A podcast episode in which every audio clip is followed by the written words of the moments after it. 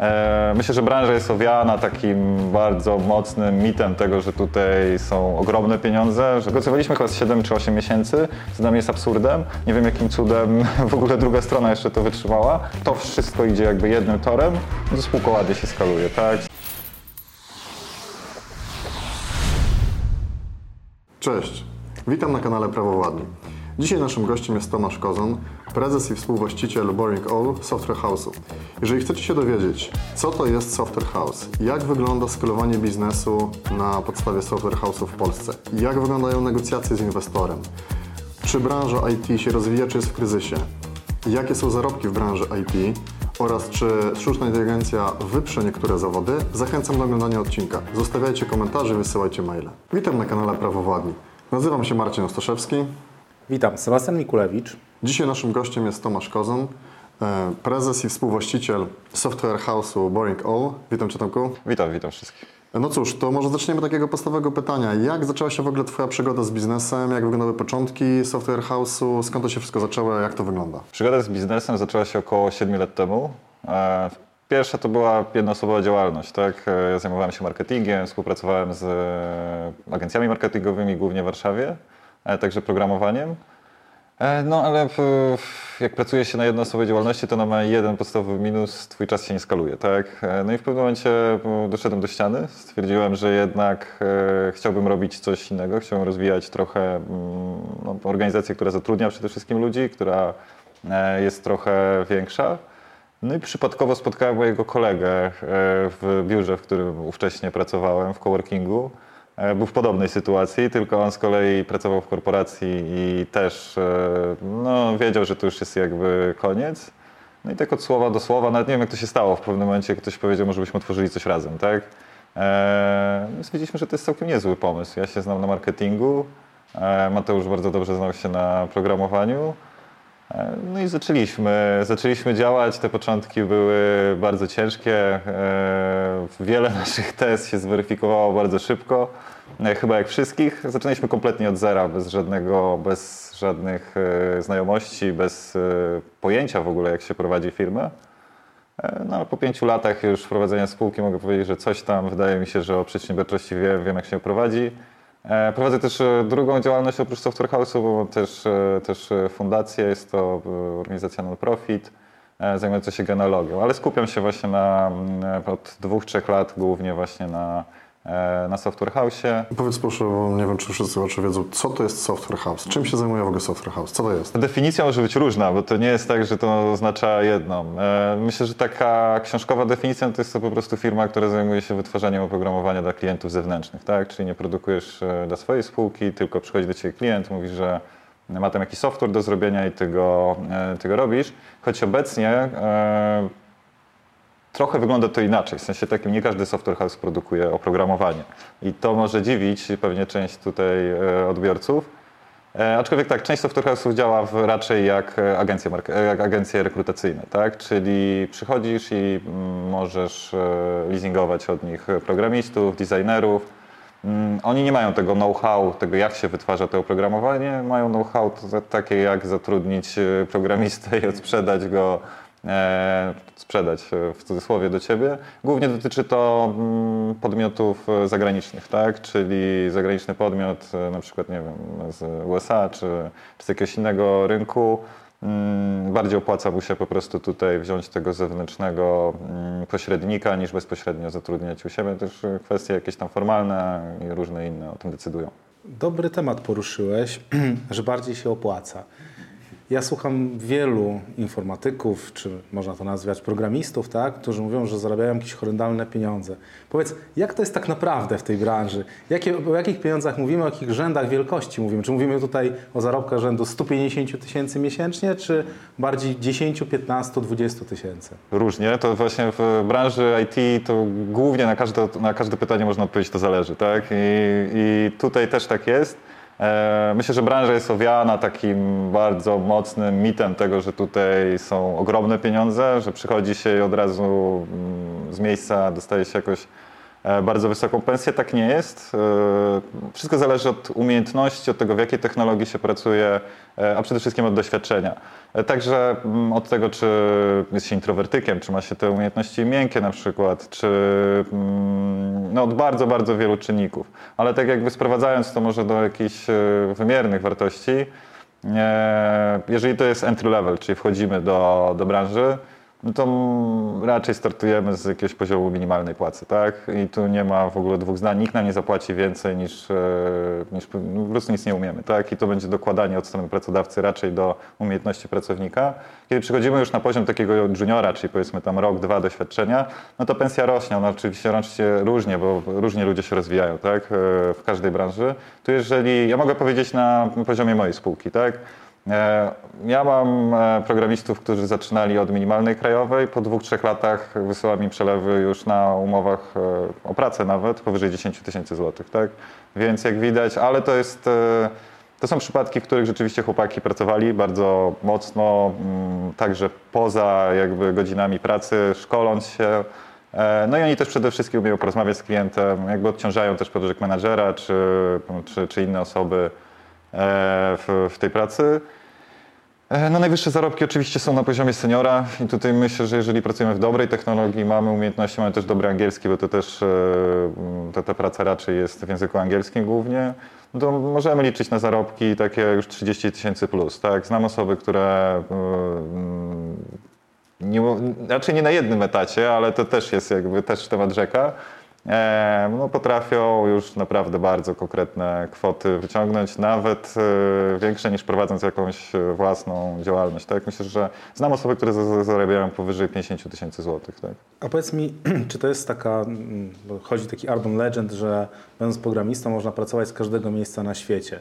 Czy rzeczywiście tak jest, czy jednak e, trzeba pracować w firmie, gdzieś w biurze, żeby razem z innymi ludźmi pracować? Czy mogę leżeć sobie na Maui i po godzinach coś tam poklikać, i, a tak to pływać na desce? Tak, i to słońce będzie walić w monitor, a ty będziesz wszystko widział i pięknie będzie się kod sam pisał. E, oczywiście można pracować zdalnie, moja firma cała jest zdalna, tak? Mamy chyba tylko ja ze wspólnikiem i jeszcze jedną osobę mamy w biurze, reszta, kilkanaście osób jest w całej Polsce mm, e, rozsianych. E, Większość firm też zatrudnia zdalnie, e, ale znam firmy, które wymagają tego, żeby być w biurze, tak? Czyli musisz przyjść do biura, musisz, musisz e, tam się stawiać albo hybrydowo pracować, ale generalnie praca zdalna jest standardem. Nie powiedziałbym, że to jest każde miejsce na ziemi, no bo to też są strefy czasowe i tak dalej. E, No, raczej trzeba po prostu pracować przy biurku z domu, tak? Albo gdzieś tam z, no na pewno z miejsca, w które umożliwia tą pracę. Ja nie wierzę w pracę z, z, z leżaka nad basenem. Nie? To, to, to nie istnieje moim zdaniem i to jest, widzę takie zdjęcia gdzieś w mediach społecznościowych, to raczej pusty śmiech. Nie? To, to ktoś zrobił to zdjęcie i pewnie wrócił do klimatyzacji i do tego, żeby klepać ten kod. Tak? To też jest ciężka praca. To nie jest tak, że ona nie obciąża psychicznie, bo to jest kolejny właśnie mit, nie? że praca programisty to jest piszemy sobie kod e, i idziemy po pensję. Nie? nie, to jest bardzo wiele skomplikowanych czynników w momencie, kiedy przychodzi ten stres, też trzeba umieć sobie z nim radzić. Czym wiąże się takie zarządzanie i skalowanie spółki, która się zajmuje właśnie branżą IT? No to jest spółka usługowa, więc e, spółki usługowe ogólnie w startupach e, nie są uważane za spółki fancy. Raczej wszyscy idą w produkty, bo ten produkt zmienia świat, tak, łatwiej pozyskać inwestora. E, No spółka mm, usługowa jest raczej nudna, nie? w sensie takiej skojarzona, że tutaj sprzedajemy, cały czas szarpiemy tą sprzedaż, jedyne co trzeba zatrudniać.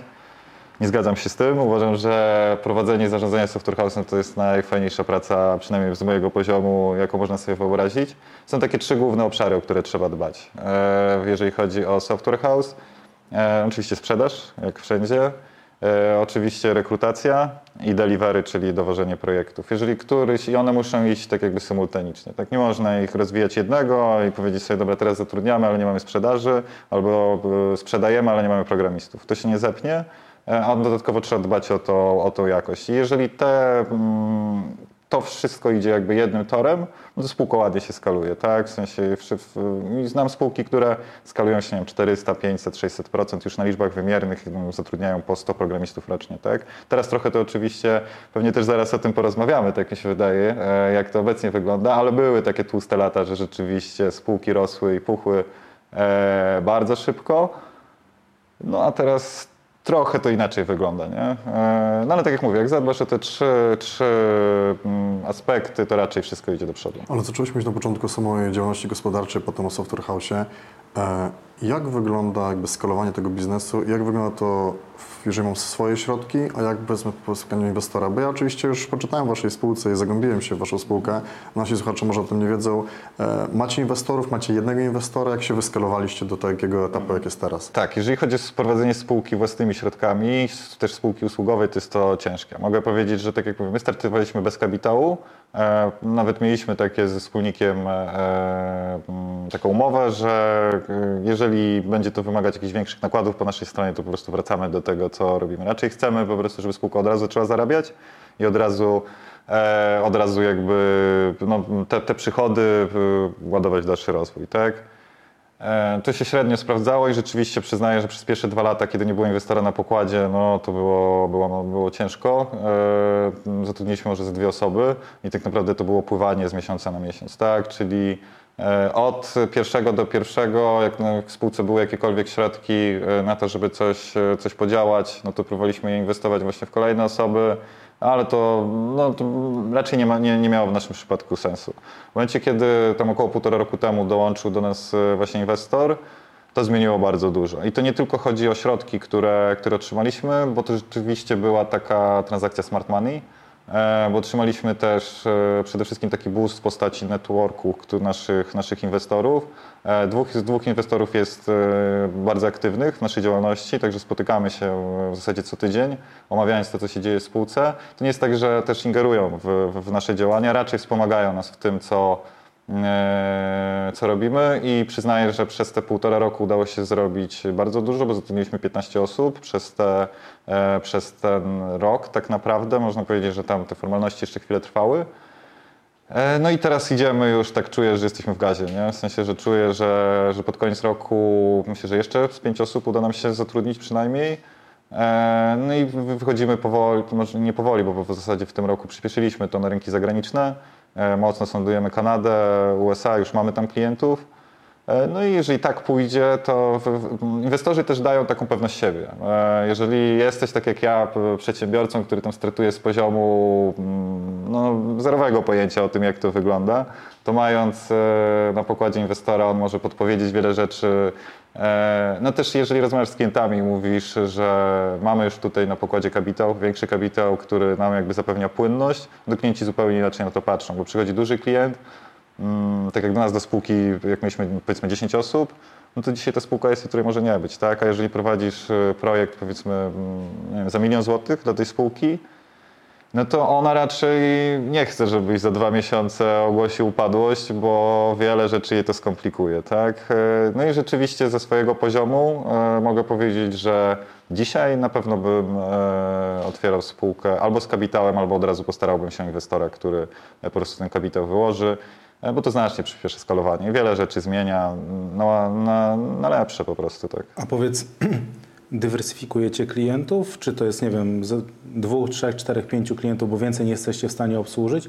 Czy macie jakąś sporą pulę tych klientów? Czy oni wracają, przychodzą? Czy te projekty są jakby kontynuowane? E, dosyć mocno się dy dywersyfikujemy. E, ob, znaczy tak miesięcznie myślę, że obsługujemy kilkanaście, e, kilkunastu klientów. Oczywiście kilku jest takich kluczowych, z którymi współpracujemy też latami, dla których robimy duże aplikacje, utrzymujemy duże projekty. Raczej już odchodzimy od takich małych projektów e, za kilka czy kilkanaście tysięcy, raczej celujemy w dużo większe, w dużo większe realizacje, choć też nie mówimy nie e, nigdy. No ale tak, to też pozwala, wydaje mi się, że opieranie w ogóle spółki usługowej na dwóch czy na trzech klientach jest dosyć ryzykowne, szczególnie jeżeli oni tam dwóch przynosi powiedzmy 90% przychodów, no i klient e, powie, że nie płaci albo nie wiem, będzie miał jakieś uwagi, no to wtedy w ogóle możliwości negocjacyjne są zupełnie inne, tak? No bo my musimy się trochę dostosować do tego, jeszcze nie mając płynności powiedzmy, tak? E, żeby ten klient jednak tą, e, tą gotówkę zapłacił. E, no bo za chwilę my nie będziemy mieli zapłacić za co deweloperom i mm, jakby biznes upadnie, tak? E, więc my dywersyfikujemy i myślę, że tak e, będzie, znaczy na pewno będziemy tak rozwijać. To, to żeby, żeby było dwóch, trzech kluczowych klientów, ale żeby jednak wpływy od nich nie przekraczały tam 40-50% powiedzmy miesięcznych przychodów. No a reszta są to Mm, Takie projekty, które, tak jak mówię, prowadzimy latami. To jest tak, że klient, mamy klientów, którzy, którzy od początku są z nami. Mamy klienta, który jest z nami od pięciu lat i miesiąc w miesiąc, e, miesiąc w miesiąc na nim e, wystawiamy mu faktury. Tak? E, No i to fajnie się sprawdza, też jest większe zaufanie. Jeżeli współpracujesz z kimś 5 lat, no to i to jest startup jeszcze, który też pozyskał finansowanie. Właśnie mamy takich klientów, których my też pomogliśmy im po- po- pozyskać tych e, w jakiś sposób inwestorów, występując w, taki, w takiej roli partnera technologicznego. Tak? A tak jak powiedziałeś o tym inwestorze, to jest jakiś taki, jeżeli możesz rzeczywiście zdradzić, inwestor e, branżowy, czy inwestor w ogóle oderwany od branży IT? E, nie, inwestor nie jest oderwany e, od branży. Jest to ASI, które w nas zainwestowało. Panowie są dosyć aktywni na rynku zarówno giełdowym, jak i gamingu, ale też mają dosyć szerokie pojęcie IT. E, No ogólnie są to ludzie z bardzo dużym doświadczeniem, zarówno biznesowym, jak i inwestycyjnym, ale właśnie skupiający się na kilku tam e, segmentach. I IT jest jednym, e, jednym z nich. Oczywiście to nie jest tak, że mm, że specjalizują się w tym, tak? Bo są podmioty, na przykład też VC, które inwestują typowo w, w spółki IT, w tym się specjalizują, tak? Oni mają trochę szerszy jakby zakres, ale w tych z- półtora roku współpracy mogę powiedzieć, że dosyć mocno się znają na tym, co robią i rzeczywiście można dużo, e, dużo wyciągnąć z tej współpracy. Czyli takie ufam, ale sprawdzam. Tak, ja myślę, że to w ogóle jest e, zasada takiego ograniczonego zaufania jest dobra w, w, każdym, e, w, każdym, e, w każdym aspekcie współpracy, czy z klientem, czy z pracownikiem, czy z kimkolwiek innym. Oczywiście się, wydaje mi się, że się lubimy, przynajmniej ja jakby lubię swoich, naszych inwestorów. Myślę, że, e, że oni w jakiś sposób mnie też. No ale to wiadomo, że wszystko się opiera na biznesie, tak? W momencie, kiedy pewnie mm, no, zakończyłaby się na ta, ta współpraca biznesowa, to te relacje też pewnie jakby gdzieś tam się trochę rozeszły. To jest naturalne, tak? To nie jest tak, że ktoś e, wykłada pieniądze i są to no, stosunkowo duże pieniądze, e, no to oczekuje też określonej stopy zwrotu. W inwestycjach wysokiego ryzyka raczej oczekuje bardzo wysokiej stopy zwrotu. Tak? Ja też mam tego świadomość, że no, że te pieniądze zostały w jakiś sposób personalnie mi powierzone, tak? Bo w momencie transakcji mój wspólnik się wycofał. To też jest e, jakby dosyć istotne. Ja zostałem sam w spółce. Przez rok prowadziłem spółkę sam i sam ją rozwijałem. Teraz mam już drugiego kolegę, nowego wspólnika. E, także już trochę, trochę mm, ta odpowiedzialność jest trochę podzielona. Kolega też szedł do zarządu, także e, razem sobie tam działamy. Tomku, powiedziałeś wcześniej o tej sytuacji branży IT. Jak to teraz wygląda? Czy mamy faktycznie spowolnienie, kryzys? Czy jest teraz dobrze na rynku jakby usług pro- programistycznych i IT? Na pewno początek roku był e, bardzo słaby i to było widać szczególnie w dużych podmiotach, e, które zdecydowały się na masowe zwolnienia. A to jednak nie jest tak w branży, że to przechodzi bez echa, tak? E, Że jednak jeżeli masz 600 czy 700 osób na pokładzie, zwalniasz 100 czy 200, no to od razu to rezonuje zarówno na mm, klientów, deweloperów, E, więc e, rzeczywiście ten początek, ten początek roku był, ten pierwszy kwartał był bardzo słaby. Teraz widać dosyć duże odbicie, przynajmniej ja to widzę. I to też, też nie ukrywam, że na naszej spółce było widać, tak? że rzeczywiście tych, tych projektów było mniej. E, Teraz mam wrażenie, że wraca trochę normalność. To też spowodowało to, że mm, trochę był bardzo duży problem z rekrutacją. Tak? E, Deweloperzy dyktowali jakby warunki. Teraz e, ten rynek, jak trochę właśnie miał takie spowolnienie, to mam wrażenie, że sytuacja się unormowała. Już nie ma takiej presji płacowej i dużo łatwiej jest zrekrutować specjalistę. A powiedz, bo powiedziałeś, że macie tutaj tego inwestora, to anioła biznesu można powiedzieć. Jak wygląda taki pro, proces pozyskania takiego inwestora? Ile on czasu trwa? Czy to jest ciągu tygodnia, dwóch się panowie dogadują, wykładają kasę na stół, czy, czy trwa to jednak troszeczkę dłużej i jakie są z tym ryzyka związane? No w naszym przypadku ten proces był bardzo ciekawy, w sensie takim, e, że to inwestorzy nas znaleźli, bo wiem, że oni szukali inwestycji właśnie w taką spółkę jak nasza. E, No i napisali maila, e, otrzymaliśmy tego maila, jakoś tak ze wspólnikiem powiedziałem, dobra, nie odpisujmy, bo to na pewno jakiś skam, nie? E, I, no i przykryliśmy tą hasę, po dwóch tygodniach przyszło e, przypomnienie, czy, czy może jednak, no i sprawdziliśmy, że rzeczywiście spółka, znaczy, że ten podmiot istnieje, tak, że, że inwestuje, że to są to jednak realni e, ludzie. E, Przyszli do nas na spotkanie. Spotkanie miało trwać chyba pół godziny, chyba z 6 godzin. E, Więc e, ja od początku jakby byłem na, na tak i tak jak powiedziałeś, wydaje mi się, że dobry proces inwestycyjny w takiej spółce jak nasza, czyli małej, tak, on powinien moim zdaniem trwać góra dwa miesiące. To jest jakby razem z formalnościami, podpisanie już umowy i ruszenie ze wszystkim. A tak naprawdę wydaje mi się, że jeżeli komuś ufasz, bo na tym głównie bym opierał te relacje, jeżeli zabezpieczysz podstawowe procesy, podstawowe rzeczy, które które są dla Ciebie ważne, plus widzisz, jest zaufanie i taki vibe między Tobą a, a inwestorem, to raczej bym się nie wahał. My dosyć długo się wahaliśmy, bardzo mocno tak naprawdę przez pół roku budziliśmy się rano, ja myślałem, jaki dzisiaj punkt będziemy z moim wspólnikiem tej umowy inwestycyjnej omawiać, tak? No i przez nie zajmowaliśmy się biznesem, nie zajmowaliśmy się spółką i tak po pół roku spółka już y, była na granicy działalności tak naprawdę, bo my główną, główną naszą działalność, nie mówiąc o kosztach prawników, e, w, no, w, tak nie powinno. To, to my negocjowaliśmy chyba z 7 czy 8 miesięcy, co dla mnie jest absurdem. Nie wiem jakim cudem w ogóle druga strona jeszcze to wytrzymała. E, no ale w końcu się udało.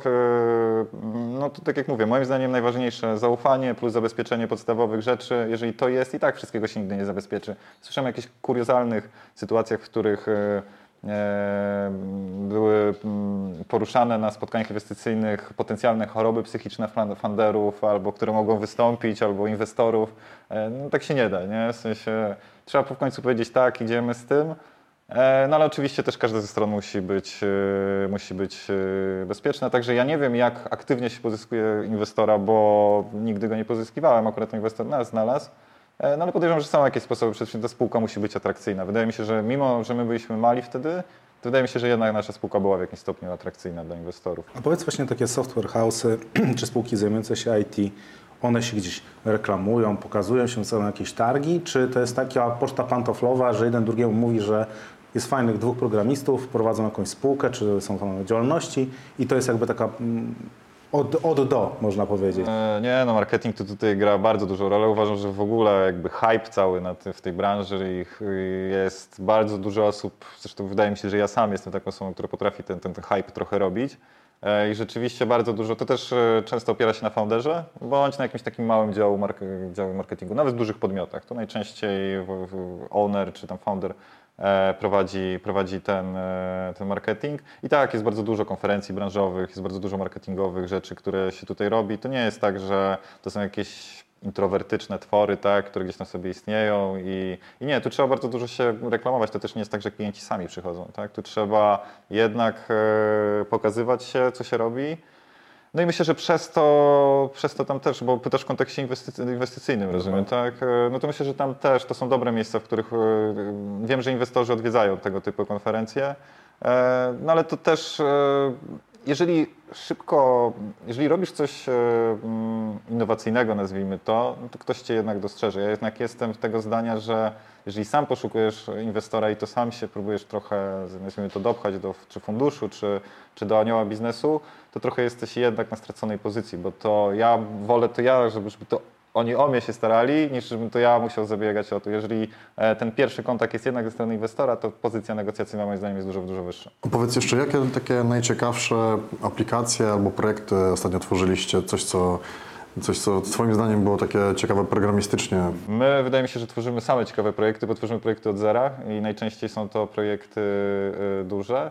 E, stworzyliśmy dużo konfiguracji, znaczy, na przykład z ciekawych aplikacji stworzyliśmy konfigurator garniturów szytych na miarę e, w ostatnim, e, w ostatnim roku. Stworzyliśmy konfigurator narzędzia do, do tworzenia zestawu do domowej uprawy roślin. To też jest dosyć ciekawe. E, stworzyliśmy aplikację transportową do ECMR-ów, czyli do e, elektronicznych listów e, przewozowych. Już nawet szczerze mówiąc nie pamiętam, bo my miesiąc w miesiąc tworzymy tych produktów naprawdę sporo. Ja we wszystkich projektach jakby uczestniczę, ale mm, ciężko mi powiedzieć, teraz tworzymy taki bardzo ciekawy i to będzie z premierem miał za około pół roku. Bardzo ciekawy portal freelancerów. Nie, nie, mogę do końca mówić jakby o czym, o czym on będzie, ale wydaje mi się, że to będzie taki game changer. My też tworzymy produkt e, in-house, swój, własny, e, według e, trochę mojego pomysłu, bo ja się zajmuję głównie pozycjonowaniem takim technicznym SEO, optymalizacją stron. No i to jest produkt właśnie oparty o AI, o generowanie kontentu, masowe generowanie kontentu z tych generatywnych modeli czata GPT, tak? No i uważam, że uważam, że on jakby, mówiąc kolokwialnie, zamiecie trochę branży SEO. E, sprzedaliśmy już to do kilku podmiotów, sami też e, no, sami też bardzo mocno to rozwijamy. I wokół tego opieramy też trochę marketing. To powiedz, kiedy nas zastąpi? Prawników myślę, że całkiem szybko. Nie, żar- żartuję. Oczywiście wydaje mi się, że całkowicie AI e, takich właśnie tego pierwiastka ludzkiego nie jest zastąpić nigdy w stanie całkowicie, w 100%, bo ludzie jednak lubią rozmawiać z ludźmi. E, Choć widziałem też takie, e, takie e, case'y, że ludzie wyżej oceniali rozmowy, że sztuczna inteligencja jest bardziej empatyczna od, od człowieka, tak? bo było na, na, na dużych tych. Ale już w niektórych obszarach będzie zastępować moim zdaniem najbardziej myślę, że tak jak, no, mi jest najbliższy marketing, tak? Więc e, ja już zautomatyzowałem, ja miałem rozwijać w spółce dział marketingu. Nie będę tego robił, ponieważ jestem w stanie to robić teraz jednoosobowo, tak? Wszystko, wszystkie procesy, do których chciałem zatrudnić dodatkowe osoby, e, robię to teraz e, dzięki AI. Oczywiście ma to swoje plusy i minusy. Oczywiście to też są pewne pivoty, zwroty akcji, bo to mm, jest tak, że idzie bardzo szybko. Nie? Dzisiaj, dosłownie jeszcze przed, e, przed e, spotkaniem z Wami, miałem też zapytanie od bardzo dużej spółki polskiej e, zajmującej się, pracującej z influencerami o bardzo ciekawy projekt właśnie generowania już wideo z, z, i animacji z, z AI. Takie narzędzia już są gotowe, tylko trzeba po prostu do nich powoli dokładać kolejne cegiełki. E, No, jakby odpowiadając już tak konkretnie na Twoje pytanie, myślę, że AI w pewnych obszarach nigdy nie zastąpi. E, Myślę, że Wy akurat możecie być spokojni, bo tu na pewno ludzie będą chcieli przychodzić. Zresztą te sprawy są tak nieliniowe, że tak powiem, że, że, że ja ich raczej nie, nie jest w stanie zrobić, ale już jakieś pisma takie e, no, pewnie będzie w stanie napisać, tak? Myślę, że nie, nie, nie, myślę, że niektóre zawody bardzo szybko, a niektóre już nigdy nie zostaną zastąpione. Zachęcam do dawania suba, klikania w dzwoneczek. Tomku, bardzo dziękujemy za dzisiejszy wywiad. I cóż, jeżeli macie jakieś pytania, zostawiajcie komentarze, wysyłajcie maile. Dzięki bardzo. Dziękujemy, trzymajcie się, hej.